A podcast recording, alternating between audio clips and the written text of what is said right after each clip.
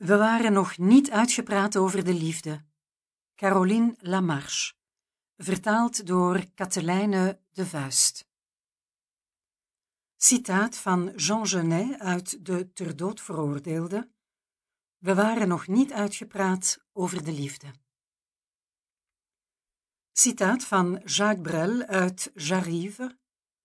Nogmaals een geliefde nemen, zoals je de trein neemt om niet meer alleen te zijn. Nogal wat muziekstukken deden haar denken aan de treinen uit haar jeugd. Het was een gekke, maar hardnekkige gedachte, die bij haar opkwam telkens als ze een schijfje in haar niet al te beste cd-speler laadde. Ze kon maar niet besluiten het ding te vervangen, want de verkopers van hi-fi-installaties waren niet geïnteresseerd in mensen van een zekere leeftijd en zij begreep sowieso niets van hun uitleg. Waarom was ze oud geworden in een wereld van jonge barbaren? De cd van die dag, een van de plaatjes die ze opzette tijdens haar ochtendtoilet, was krijgshaftig en tegelijkertijd oneindig teder. En ze hield ervan hoe gezongen en gesproken woorden elkaar afwisselden. Het begon zo. Voor Maurice Pilorge, twintigjarige moordenaar. Daarna was het volmaakt regelmatige gitaargetokkel te horen, dat haar ochtendelijke angst tot bedaren bracht. En dat terwijl het chanson, dat een gedicht vertolkte van Jean Genet, over een gevangenis en over wanhoop. Een duister verhaal, een verhaal over een jongen die was misbruikt en daardoor op het slechte pad terechtgekomen, en over een ter dood veroordeling. Maar het getokkel riep geen enkele terechtstelling, geen enkele misdaad voor de geest. De begeleiding was helemaal niet agressief. En het volgende lied had een vergelijkbaar ritme, met daarbovenop tromgeroffel dat eveneens teder klonk, ook al ging het om een mars naar de dood. Tenzij het om het roffelen van het verlangen ging. We waren nog niet uitgepraat over de liefde, zei de dichter, die kennelijk verliefd was op zijn celmaat. Bij die woorden werden ze door herinneringen overvallen.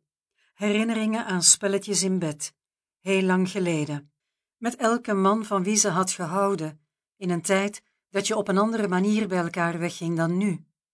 Het kon maanden vergen en veel echte ruzies, terwijl tegenwoordig een sms'je volstond om van iemand af te komen.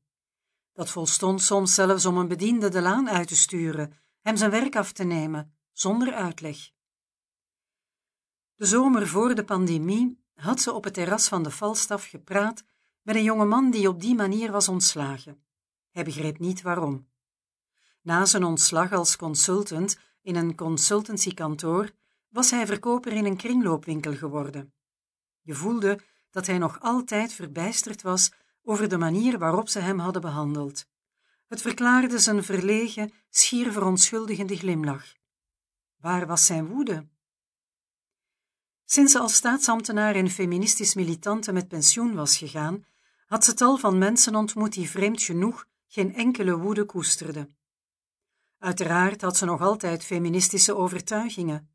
Ze had de strijd uit het verleden niet verlogend, maar doordat ze niet meer werkte, niet meer te maken kreeg met de misogynie van het ambtenarenapparaat en haar dagen doorbracht met het aanspreken van mensen op caféterrassen, want zij zelf werd door niemand meer aangesproken, had dat dagelijkse, net zo simpele als prettige tijdverdrijf haar inschikkelijker gemaakt. Iedereen had zijn eigen verhaal. Nee, zij die zo bevallig was geweest, van nature als het ware, was niet langer bevallig. Wanneer ze foto's terugzag van toen ze dertig, veertig of zelfs vijftig was, zei ze bij zichzelf: Ik was mooi en ik wist het niet.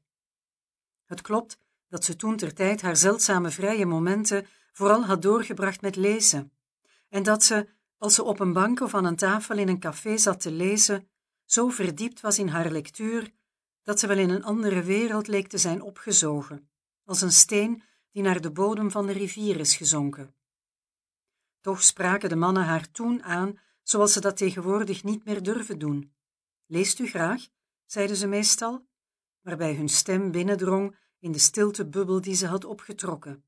En zij, die haar ogen van de bladzijde opsloeg en een hongerige blik tegenkwam, kon niet weerstaan aan de magische lokroep van een verliefde dief.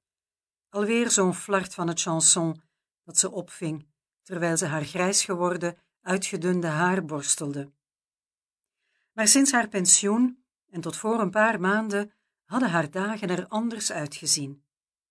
Nadat ze ochtends vluchtig had opgeruimd, ging ze de deur uit om de horecazaken in het stadscentrum te bezoeken, koffie om tien uur, een croque monsieur voor de lunch, vruchtensap als vier uurtje en, vooral, het gesprek waartoe zij voortaan het initiatief nam. Iedereen kende haar. Ze was een populaire verschijning, een even moederlijk als schuitig personage, een mengeling van oude dame en klein meisje. Elke ochtend kleden ze zich nauwgezet in felle kleuren. Als je niet langer bevallig bent, moet je de mensen vreugde schenken en op een andere manier aantrekken, zoals een kleurige bloem vlinders aantrekt. In het zevende nummer op de CD en het achtste, het negende, tot het eind, was nog altijd dat gitaargetokkel te horen. De hele plaat werd samengehouden door dat motief dat oprukte zoals je de dood tegemoet treedt, of liever, zoals je op weg naar de dood vergezeld zou willen worden. Heer van de donkere oorde, ik kan nog bidden. Nee, ze had nooit gebeden. Kun je bidden als je een militante feministe bent? Maar ze hield van de repetitieve stukjes en ze kon dagen en dagen aan één stuk naar dezelfde plaat luisteren. Ik heb dit gedicht opgedragen aan de nagedachtenis van mijn vriend Maurice Pilorge. Het werd gezegd door een stokoude schorre stem. Onthoofd omdat hij zijn geliefde had vermoord. Dat gebeurde niet meer bij ons. Tegenwoordig konden massa's mannen hun vrouw of partner vermoorden zonder dat ze ooit ter dood werden veroordeeld. Je las het in de krant. En je las er ook dat vrouwen bij elke nieuwe crisis, de pandemie was er een, alweer kwetsbaarder werden. Maar ze was het beu de krant te lezen. Hij bracht altijd slecht nieuws. Week in, week uit kreeg je te horen dat de planeet op de ondergang afstevende. Dieren, insecten, vogels en uiteraard ook de mensen, die veel en veel te talrijk waren. Wat deed zij hier nog, op haar leeftijd, met haar bonte plunje? Ach, kind, was ik maar zo jong als jij. Op de cd-hoes stonden een nog jonge man, Etienne Dao, en een oude vrouw, Jeanne Moreau. Allebei in het zwart. Hij, staand, duidelijk silhouet en kort haar, zij, zittend, getekend gezicht en carré-kapsel, zoals je bij kleine meisjes ziet. Om over na te denken voor het volgende bezoek van Nancy, die haar haar thuis kwam knippen in haar keuken. Een gepensioneerde kapster, heel handig. Op een bepaalde leeftijd blijkt iedereen plots handig van pas te komen, om samen met een jonge kerel te zingen, of om andermans haar te knippen, of om kinderen te helpen met hun huiswerk. Ja, nog iets wat ze deed. Elke woensdagmiddag begeleidde ze kinderen die problemen hadden op school. Je had ze maar voor het oprapen. Hun ronde wangen vertoonden alle schakeringen van alle huidskleuren op aarde. Afgezien van de buurten met hun boomrijke parken en chique huizen in de rand, was de stad een echte smeltkroes. Hier geen park, ook geen rivier. Het was een vrij treurig stadscentrum. Je had niet veel steden met zo weinig bomen en zo weinig licht. Liefste, mijn liefste, wil je de sleutel stelen die de hemel opent van de zinderende natuur? Terwijl ze zich afvroeg hoe ze haar dag zou vullen, ving ze flarde op van het chanson. Ze was de stad zonder bomen, de stad zonder mensen, hartgrondig beu. Al wekenlang droeg iedereen een mondkapje. De straten waren leeg, de meeste winkels en vooral de cafés gesloten. Elk uur gaf de radio het aantal ziekenhuisopnamen en overlijdens, en de experts die om de haverklap werden opgeroepen, beperkten zich ertoe te zeggen: blijf thuis, ontvang maar één persoon tegelijkertijd, wat ze de bubbel noemden. Maar wie zag zij, behalve Nancy, die haar stiekem zou blijven komen knippen? Haar zoon en schoondochter leken haar te zijn vergeten. Ze woonden vijftien kilometer verderop, wat ze kennelijk onoverkomelijk vonden, en zij nog meer. Ze had geen auto en er reed geen tram naar de chique buitenwijk waar ze hun dagen sleten. Haar bubbel was altijd de manier geweest waarop ze, met haar felgekleurde kleren, haar lach, de spontaniteit waarmee ze een gesprek aanknoopte, harten veroverde, of liever gezegd, verhalen verzamelde. De mensen hielden ervan over hun leven te vertellen. Waarom zouden ze betalen om bij een psycholoog te zitten klagen als er een bont gekleed omaatje bestond dat dol was op hun ontboezemingen? Maar sinds de cafés dicht waren vanwege de pandemie, was ze eenzaam, eenzaam als een hond, zoals dat heet. Al hadden honden tenminste een baasje. De tijd was voorbij dat ze aan een ketting lagen en de boerderij bewaakten. Ze had een hond kunnen nemen, een kleine bij voorkeur, maar ook dierenasielen lagen in de buitenwijk en Nancy, die op internet ging, had gezegd dat er alleen aanvalshonden voor adoptie werden aangeboden. Mensen namen zulke honden om op te scheppen en daarna deden ze die weg. Wat kon ze bij gevolg doen om de indruk te verjagen dat ze zelf een razende hond werd die rondjes liep in een krappe ruimte? Ze verdroeg de geur niet meer van de medische mondkapjes die ze haar in de apotheek hadden verkocht. Ze verdroeg het beeld niet meer van de mondkapjes op straat. Hoe idioot dat je alleen nog met je ogen kon glimlachen. Je zag het niet eens. Alleen kinderen mochten zonder mondkapje rondlopen, maar zij mocht zich niet meer met ze inlaten. De huiswerkhulp was gesloten. Hoe moest het nu verder met de jongens en meisjes van wie de ouders in het stadscentrum woonden, waar geen parken lagen? Gelukkig vormden ze gezinnen. Niet dat dat makkelijk was met die lockdown, zoals dat heette, maar het was nog altijd beter dan opgesloten te zitten in een wat donker flatje op de begane grond, waar je geen ander contact met de buitenwereld had dan de radio en de krantenkoppen.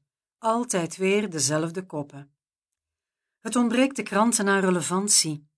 Ze plegen idiote artikelen als commentaar bij zijn dood, zei Jean Genet over Maurice Pilorge, die op 17 maart 1939 onder de guillotine stierf. En zie, door zo'n toeval dat je overkomt als je ten einde raad bent, was het vandaag 17 maart van het jaar 2021. Met andere woorden, 82 jaar later. En zelf was ze bijna 82, geboren op 18 maart 1939, een dag na de dood van Maurice Pilorge. Zo'n teken was een aanmoediging om erop uit te trekken, naar het licht en naar de bomen met hun takken die trilden van verlangen naar jonge knoppen. Ze moest weggaan, weggaan naar een plek waar een rivier liep, waar je water zag en bomen, weiden en andere huizen dan hier, minder hoge huizen, die plaats vrijlieten voor het azuur en de wolken. Weggaan, zoals een veroordeelde ten hemel opstijgt, voor wie dat gelooft in elk geval, voor wie gelooft in een leven na de dood. Dat moet wel bestaan, want er worden chansons gemaakt met de woorden van de doden, en je kunt stemmen horen die inmiddels zwijgen. Die van Jeanne Moreau bijvoorbeeld, die stierf op haar 89ste, zeven jaar nadat de CD werd opgenomen. Over amper zeven jaar zou ook zij 89 worden. Geen tijd meer te verliezen. Ze moest het hoofd bieden aan de pandemie, die al vele maanden duurde en die de mensen veroordeelde tot een leven zonder gezelschap, zonder vrienden, zonder maatjes van één dag. Toen ze die dag voor de tweede maal de CD beluisterde, de dag waarop Maurice Pilorge was gestorven, 24 uur voor haar eigen geboorte, zei ze dat ze moest bewegen, hoe dan ook bewegen. Bewegen op 18 maart 2021, de volgende dag dus, om te ontsnappen aan de geringschattende stem van haar zoon, die haar gelukkige verjaardag zou wensen. Gevolgd door die van haar kleindochter, die maar wat zou brommen, gehaast om het schermpje van haar smartphone terug te vinden. Zelfs toen ze haar had aangeraden naar Billie Eilish te luisteren, op de radio had ze Bad Guy gehoord en ze had het prachtig gevonden, had het wicht geantwoord dat het vast een liedje voor oude vandaag was. Het regelmatige gitaargetokkel dat van begin tot eind op de mooie cd te horen was, bracht haar op het idee van de trein. Als kind, toen ze nog geen auto hadden, werd je door dat ritme gewicht als je naar zee of naar de Ardennen reisde. Het melancholische, krachtige kedoeng, kedoeng, dat je in sommige zwart-wit films hoorde en soms ook in kleurenfilms, gerestaureerde versies, die ze in de bioscoop had gezien toen de zalen nog open waren. Ze had in geen eeuwen meer de trein genomen. Ze had het niet nodig gehad. Ze was altijd een huismus geweest. In haar gelijkvloerse flatje waar het gonsde van omringende levens. Levens die evenmin veel bewogen. De caféhouder, de kelner, de stamgasten. Of levens die je na de zomer terugzag. De student, de bediende, de zakenman. Al die categorieën mensen kon je uiteraard vrouwelijk maken. Maar ondanks haar feminisme had ze de moed niet meer om de taal ingewikkelder te maken, om zich met andere woorden over te leveren aan de eeuwige zelfcontrole die erin bestond het huidige politiek correcte denken aan te kleven. Caféhouder, caféhoudster, of beter nog, caféhoud.st.er. Het lezen werd vertraagd door allerlei gecompliceerde, zogenaamd inclusieve mechanismen, terwijl zij er altijd voor had geijverd dat zoveel mogelijk mensen leerden lezen. Te beginnen met de kinderen van de huiswerkhulp, waar sommigen worstelden om de Franse taal onder de knie te krijgen. En daarbij, al die zaken gaven de vrouw haar plaats niet terug. Integendeel, sinds de pandemie was de ongelijkheid nog toegenomen. Ze had in de krant gelezen dat in de stad waar ze woonde haast 5000 vrouwen tijdens de lockdown hun baan waren kwijtgeraakt, terwijl er meer dan 5000 werkloze mannen in dienst waren genomen. Dat was de naakte werkelijkheid, die behoefde geen extra leestekens, franje waar de nieuwe feministen zo gek op waren. Het regelmatige getokkel van de gitaar, het regelmatige gedender van de trein. Ze liep naar het Centraal Station en nam een seniorenkaartje voor de volgende dag, een donderdag. Met dat kaartje kon ze overal naartoe, mocht ze de ene na de andere trein nemen, naar grote steden of naar provinciestations. Ze moest gewoon, het stond op het kaartje, na negen uur vertrekken en niet terugkeren tijdens het spitsuur. Wie werkte, kreeg voorrang. Maar er waren nauwelijks meer werkende mensen. De pandemie had de kantoren, wegen, treinen leeggemaakt. Als ze haar kaartje controleerde, zou ze zeggen dat ze zich had vergist. Ze was oud genoeg om zich te vergissen. En met haar felgekleurde jas zou ze de strengste controleur kunnen paaien. Ze had zin om naar het centrum te gaan, waar de taalgrens zich voortslingert. Vandaar zou ze verder reizen, naar zee of naar de Ardennen. Nou ja, dat zou ze nog zien. Op de ochtend van 18 maart liet ze haar wekker om kwart voor zes afgaan, deed haar turquoise jas aan, zette haar kanariegele muts op en ging de deur uit, haar grote slappe tas over de schouder. Het was nog donker, de straten waren verlaten. Ze had het plan opgevat de zonsopgang vanuit de trein bij te wonen, door het raampje te kijken hoe het landschap rozig werd. Het weerbericht kondigde een stralende zon aan. Het was spannend zo vroeg in het donker op te staan, wanneer de door de pandemie versufte stad nog maar net ontwaakte. Geen mens op straat. Ze had een picknick klaargemaakt: hardgekookt eitje, boterham met kaas, mandarijn, een veldfles die ze uit een kast had opgediept, allemaal in zo'n linnen reclametas die handelaars geven aan de vaste klanten van hun biowinkel. Ja, soms ging ze naar de biowinkel. Dan had ze het gevoel dat ze zichzelf verwende. Waarom eigenlijk wist ze niet. Op haar leeftijd was je niet meer bang een kanker op te lopen omdat je sla met pesticiden had gegeten. Daar was het te laat voor. Ze had de vroegtijdige dood van haar vriendinnen overleefd. Kanker regeerde als een epidemie, met zijn schijnheilige remissies, zijn sluimerende perversiteit die de brutale reactie van de chemotherapie handig wist te omzeilen. Zelf had ze een ijzersterke gezondheid. Ze was nauwelijks kortademig en haar artrose bezorgde haar weliswaar pijn bij het ontwaken, maar trok weg zodra ze zich in beweging zette. Om de trein te halen moest je soms rennen. Vroeger zette ze er graag stevig de pas in, hield ze ervan met limieten te spelen. voor het vertrek nog snel iets te doen, goed wetende dat ze daardoor te laat dreigde te komen. Toen ze nog krachtige benen had en makkelijk een versnelling hoger kon schakelen, zowaar in lichte galop kon gaan, kwam ze net op tijd aan op kantoor. Zelfs nu nog kon ze altijd een loopje nemen met de dienstregeling, want als ze een trein miste, was er nog altijd de volgende, om het half uur voor de courantste bestemmingen. In het slechtste geval zou ze een andere verbinding moeten vinden, een nieuw traject moeten bedenken. Het spoorwegnet telde oneindig veel knooppunten. De trein nemen was een metafoor van het leven en een spel met je aanpassingsvermogen. Ze vertrok dus op het nippertje en haastte zich voort in de frisse, donkere lucht, met over de schouder haar linnen tas, waarin haar picknick en een boek zaten. Want ze had besloten van de treinrit gebruik te maken om een bijna duizend bladzijden tellend meesterwerk te herlezen, waar ze vroeger van had genoten. Natuurlijk had ze te weinig tijd om het in één dag te verslinden, vooral als ze tussenstop maakte in de stations die haar aantrokken, steden waar een stroom of rivier doorvloeide of die aan zee lagen. Ze droomde er al zo lang van naast een wateroever te wandelen. En als het uitstapje haar beviel, zou ze vaker op excursie gaan, elke week weer, en het boek zou van trein tot trein met haar meereizen.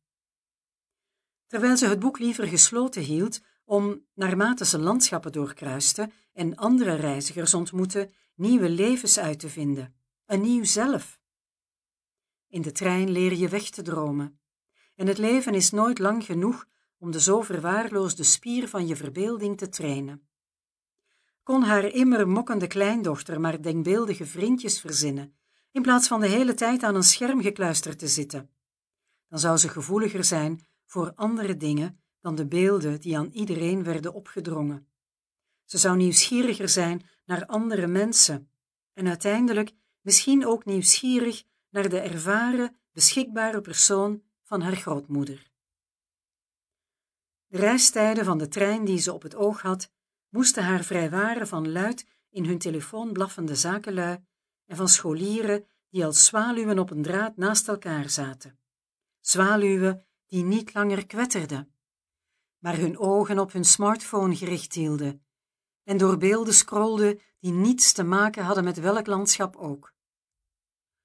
De pandemie hield de burgers thuis voor hun schermen gevangen, zodat de treinen vrijwel leeg waren. Maar je kon nooit te voorzichtig zijn. Als je goed op tijd vertrok, had je gegarandeerd rust. Haar leven lang had ze zich geoefend in de kunst van de oordeelkundige ontwijking, die je in contact brengt met mensen die een gat graven in het weefsel van de dag, zoals de haas of het hertenjong zich in het hoge gras verbergen.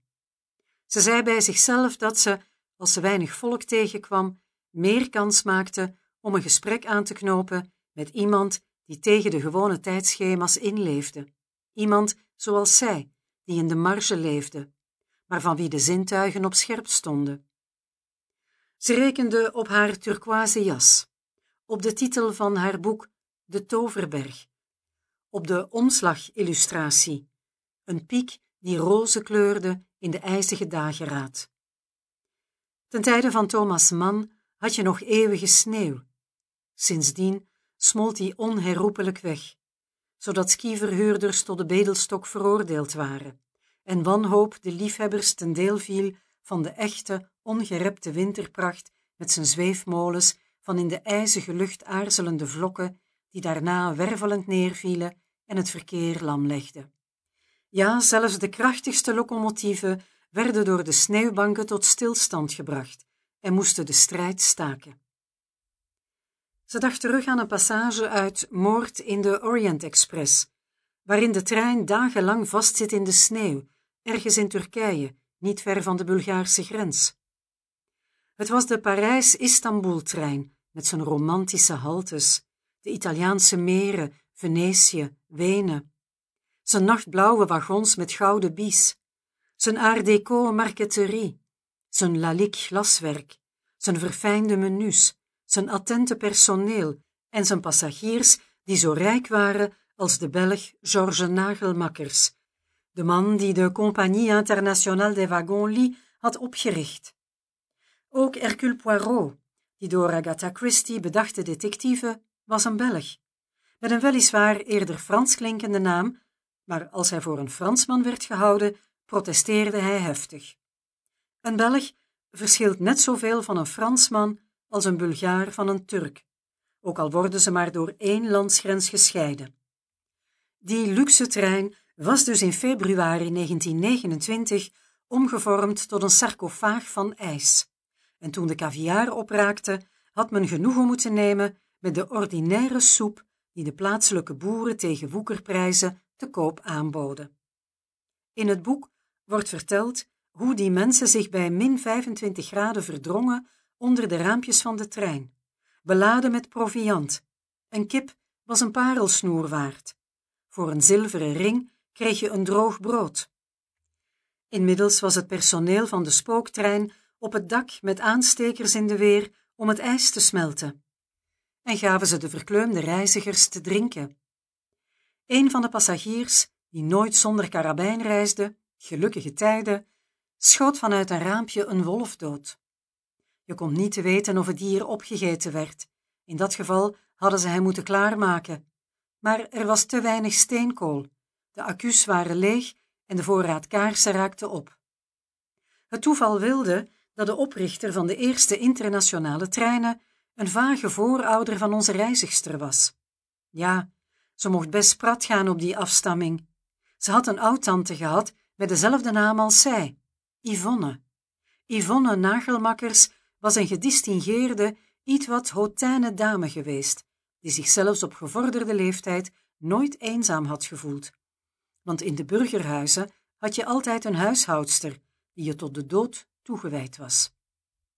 Die Yvonne, die nooit de trein nam, maar de Bentley met chauffeur, had in zijde gehulde benen die ze elegant gekruist hield onder een mantelpakje van uitstekende snit. In tegenstelling tot je gezicht verouderen je benen niet.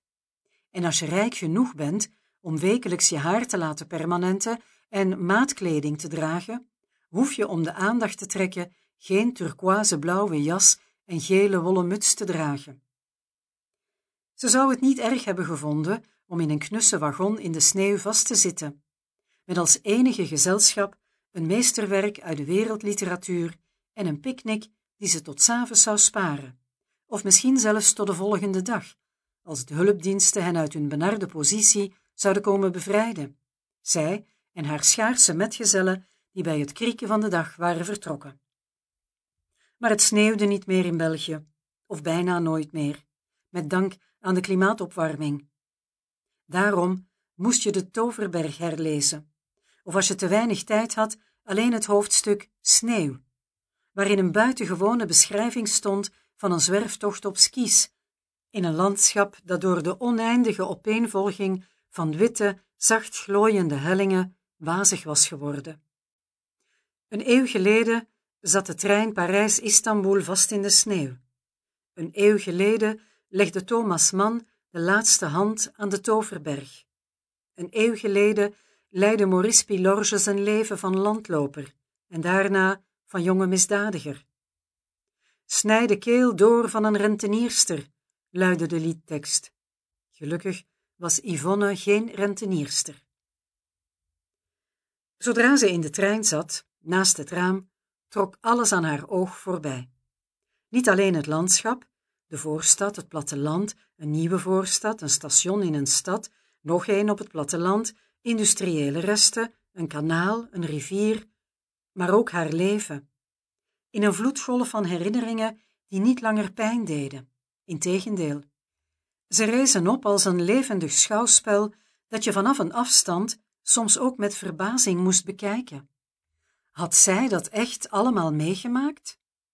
Haar leven leek in vele opzichten op een roman of op een film in afleveringen, een serie, zoals ze tegenwoordig zeggen.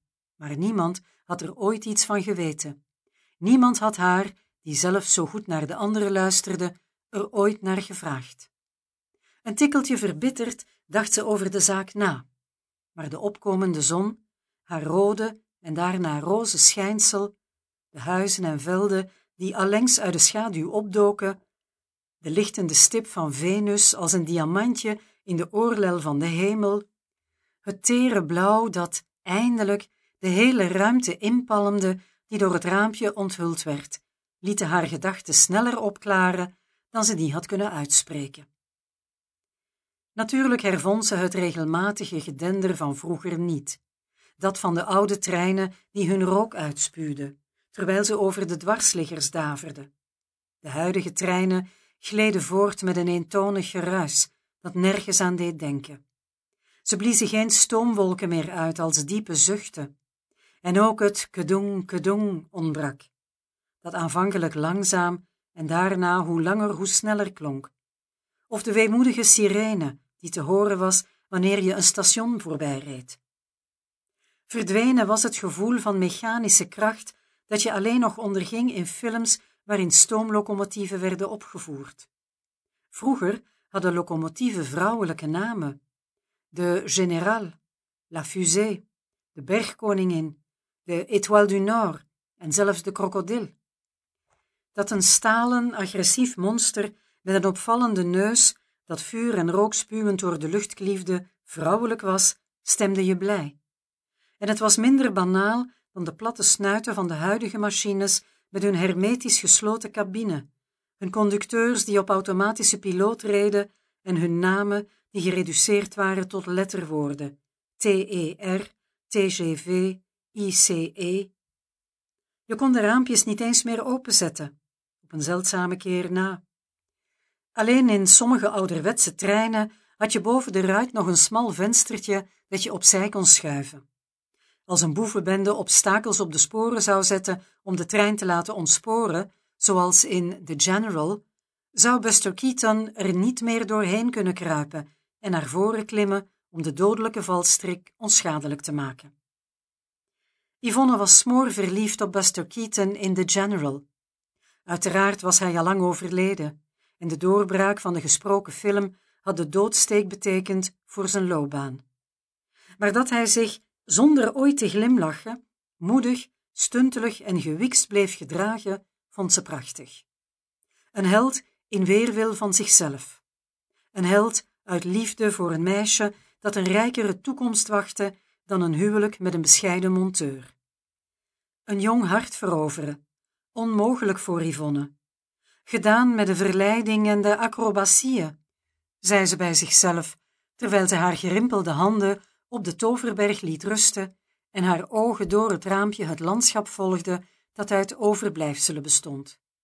Overblijfselen van oude, verwaarloosde boomgaarden, van oude, vergane fabrieken, van oude aken die aangemeerd lagen langs oude, verlaten kanalen, van oude bakstenen huizen die nog zwart zagen door de vroegere mijnen. Ja, dat was de trein. Een overjaars landschap gevat in de lijst van een raampje. Sorry, mevrouw, wat leest u eigenlijk? Ze was zo opgeslorpt door het landschap en haar herinneringen dat ze niet had gemerkt dat hij op de bank aan de overzijde van het gangpad was gaan zitten.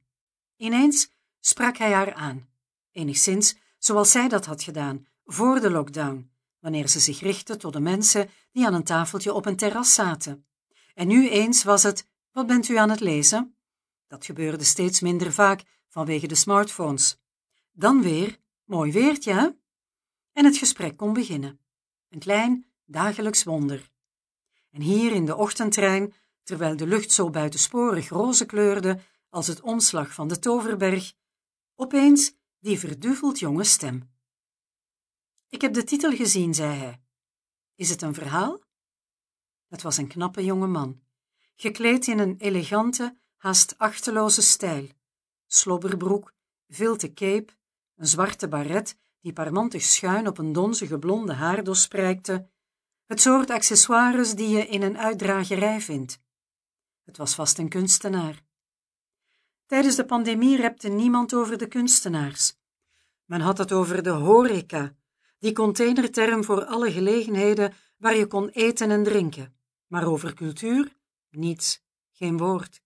Je zou denken dat de regering nooit naar het theater of de bioscoop ging, dat ze geen boeken las. Kunstenaars waren gewillige, slecht betaalde werknemers die ervoor zorgden dat de met de pandemie verbonden absurditeit een weinig zin kreeg door een instrument te bespelen door hun raam, te dansen voor hun open deur of voor hun spiegel, om zo wat schoonheid op de sociale netwerken te verspreiden. Die kunstenaars dus, verzetstrijders waren het, bestonden niet voor de regering. Tenzij de jongen misschien een landloper was, die zich verzorgde, maar klaar stond om bij de eerste de beste gelegenheid in een misdadiger te veranderen, en daarom in hetzelfde compartiment was gestapt als een oude, makkelijk te beroven vrouw. Een moordenaar waar de dag bij verbleekt, had Jean Genet over Maurice Pilorge gezegd. Zeker, de jonge man van de trein was zo knap dat de dag erbij verbleekte, nu de zon hoog aan de hemel stond, zonder dat er één enkele controleur was komen opdagen. Gejaagd vroeg ze waar hij naartoe wilde, welk beroep of welke bezigheid hij had. Kortom, ze gedroeg zich wantrouwig. Ik keer naar huis terug, zei hij, zonder te preciseren waar naartoe. Ik studeer aan het conservatorium, eerstejaars. Een kind van twintig, de leeftijd van de eeuw, dacht ze. En waarom interesseerde hij zich voor een oude vrouw zoals zij, die hier in dit lege compartiment zat? Dacht hij soms dat hij te maken had met een rentenierster die er warmpjes bij zat? Of beschouwde hij haar daarentegen als een bondgenote, vanwege haar turquoise jas, haar gele muts, haar roze boek en, misschien, vanwege hun oneindig broze, bedreigde toekomst op een planeet waarvan het laatste uur bijna had geslagen. Jeetje, hernam de student, omdat Yvonne bleef zwijgen. Wat een dik boek. Minstens duizend bladzijden, schat ik. Hebt u het gelezen? Ja, ik heb het gelezen, lang geleden, mompelde ze, van haar stuk gebracht. Ze zou het trouwens herlezen, voegde ze er haastig aan toe. De trein was de ideale plek om te lezen. Je had er niets anders te doen. En ze zou de trein zo vaak nemen als nodig om de Toverberg helemaal te herlezen. Zo. Ze keek hem zijdelings aan. Te veel schoonheid maakt je verlegen. Een grootmoeder met een groot intellectueel potentieel, zei de student geïntrigeerd bij zichzelf. Zijn eigen grootmoeder was tijdens de lockdown in een rusthuis gestorven, gestorven van eenzaamheid, uitgedoofd als een van zuurstof verstoken kaars. Hij voelde tranen opkomen, verdrong ze door met zijn lange sierlijke wimpers te knipperen. In het boek, vertelde Yvonne om de stilte te vullen die haar wat verontrustte, stond een prachtig, angstaanjagend hoofdstuk over een skitocht in de mist en de vrieskou, toen de berg nog in elk seizoen besneeuwd was, zelfs in de zomer. En je had Hans Kastorp, het hoofdpersonage, dat met de trein was aangekomen in het skioord waar het sanatorium lag dat hem een poos onderdak zou bieden. In die dagen moest je de trein nemen om daar naartoe te gaan. Daarna een door twee paarden getrokken char à met achteraan een kofferbak om je bagage in te leggen. Het was langzaam, poëtisch. Toen was alles langzaam en poëtisch. Hoewel Europa op het punt stond in de chaos van de Eerste Wereldoorlog te worden gestort. Maar dat wist Hans Kastorp niet, die voor ingenieur had gestudeerd en droomde van een toekomst als scheepsbouwer. Weet je, vroeg ze, dat heel wat oude boeken, boeken van bijna honderd jaar oud, over onze tijd gaan? Over de traagheid die in chaos verandert? Ik heb het over de maanden van de pandemie die onze eeuw zullen tekenen. De eeuw waarin jij geboren werd en ik weldra zal doodgaan. De jonge man gaf haar een knipoog, alsof hij haar ervan wilde overtuigen dat ze eeuwig zou leven. Natuurlijk verplaatste men zich op een andere manier, ging ze enthousiast door. Ook het klimaat en het eten was anders. In het sanatorium, waar Hans Kastorp zich naar hij dacht voor een heel kort verblijf heen begaf, werd overvloedig, overdadig gegeten, vijfmaal per dag, zoals in de Orient Express ten tijde van Hercule Poirot. Maar in wezen verandert de mens niet. Wacht, ik lees een paar regels voor uit het begin van het boek. Dan begrijp je vanzelf waarom jij en ik, ondanks wie we zijn, jong en knap, oud en lelijk, ze lachte en hij lachte met haar mee, een zo vrolijke lach dat ze begreep dat hij haar al met al misschien niet zo afschuwelijk vond. Dan begrijp je dus vanzelf waarom wij op dit eigenste moment en misschien voor lange tijd ons leven niet kunnen leiden zoals we dat zouden willen.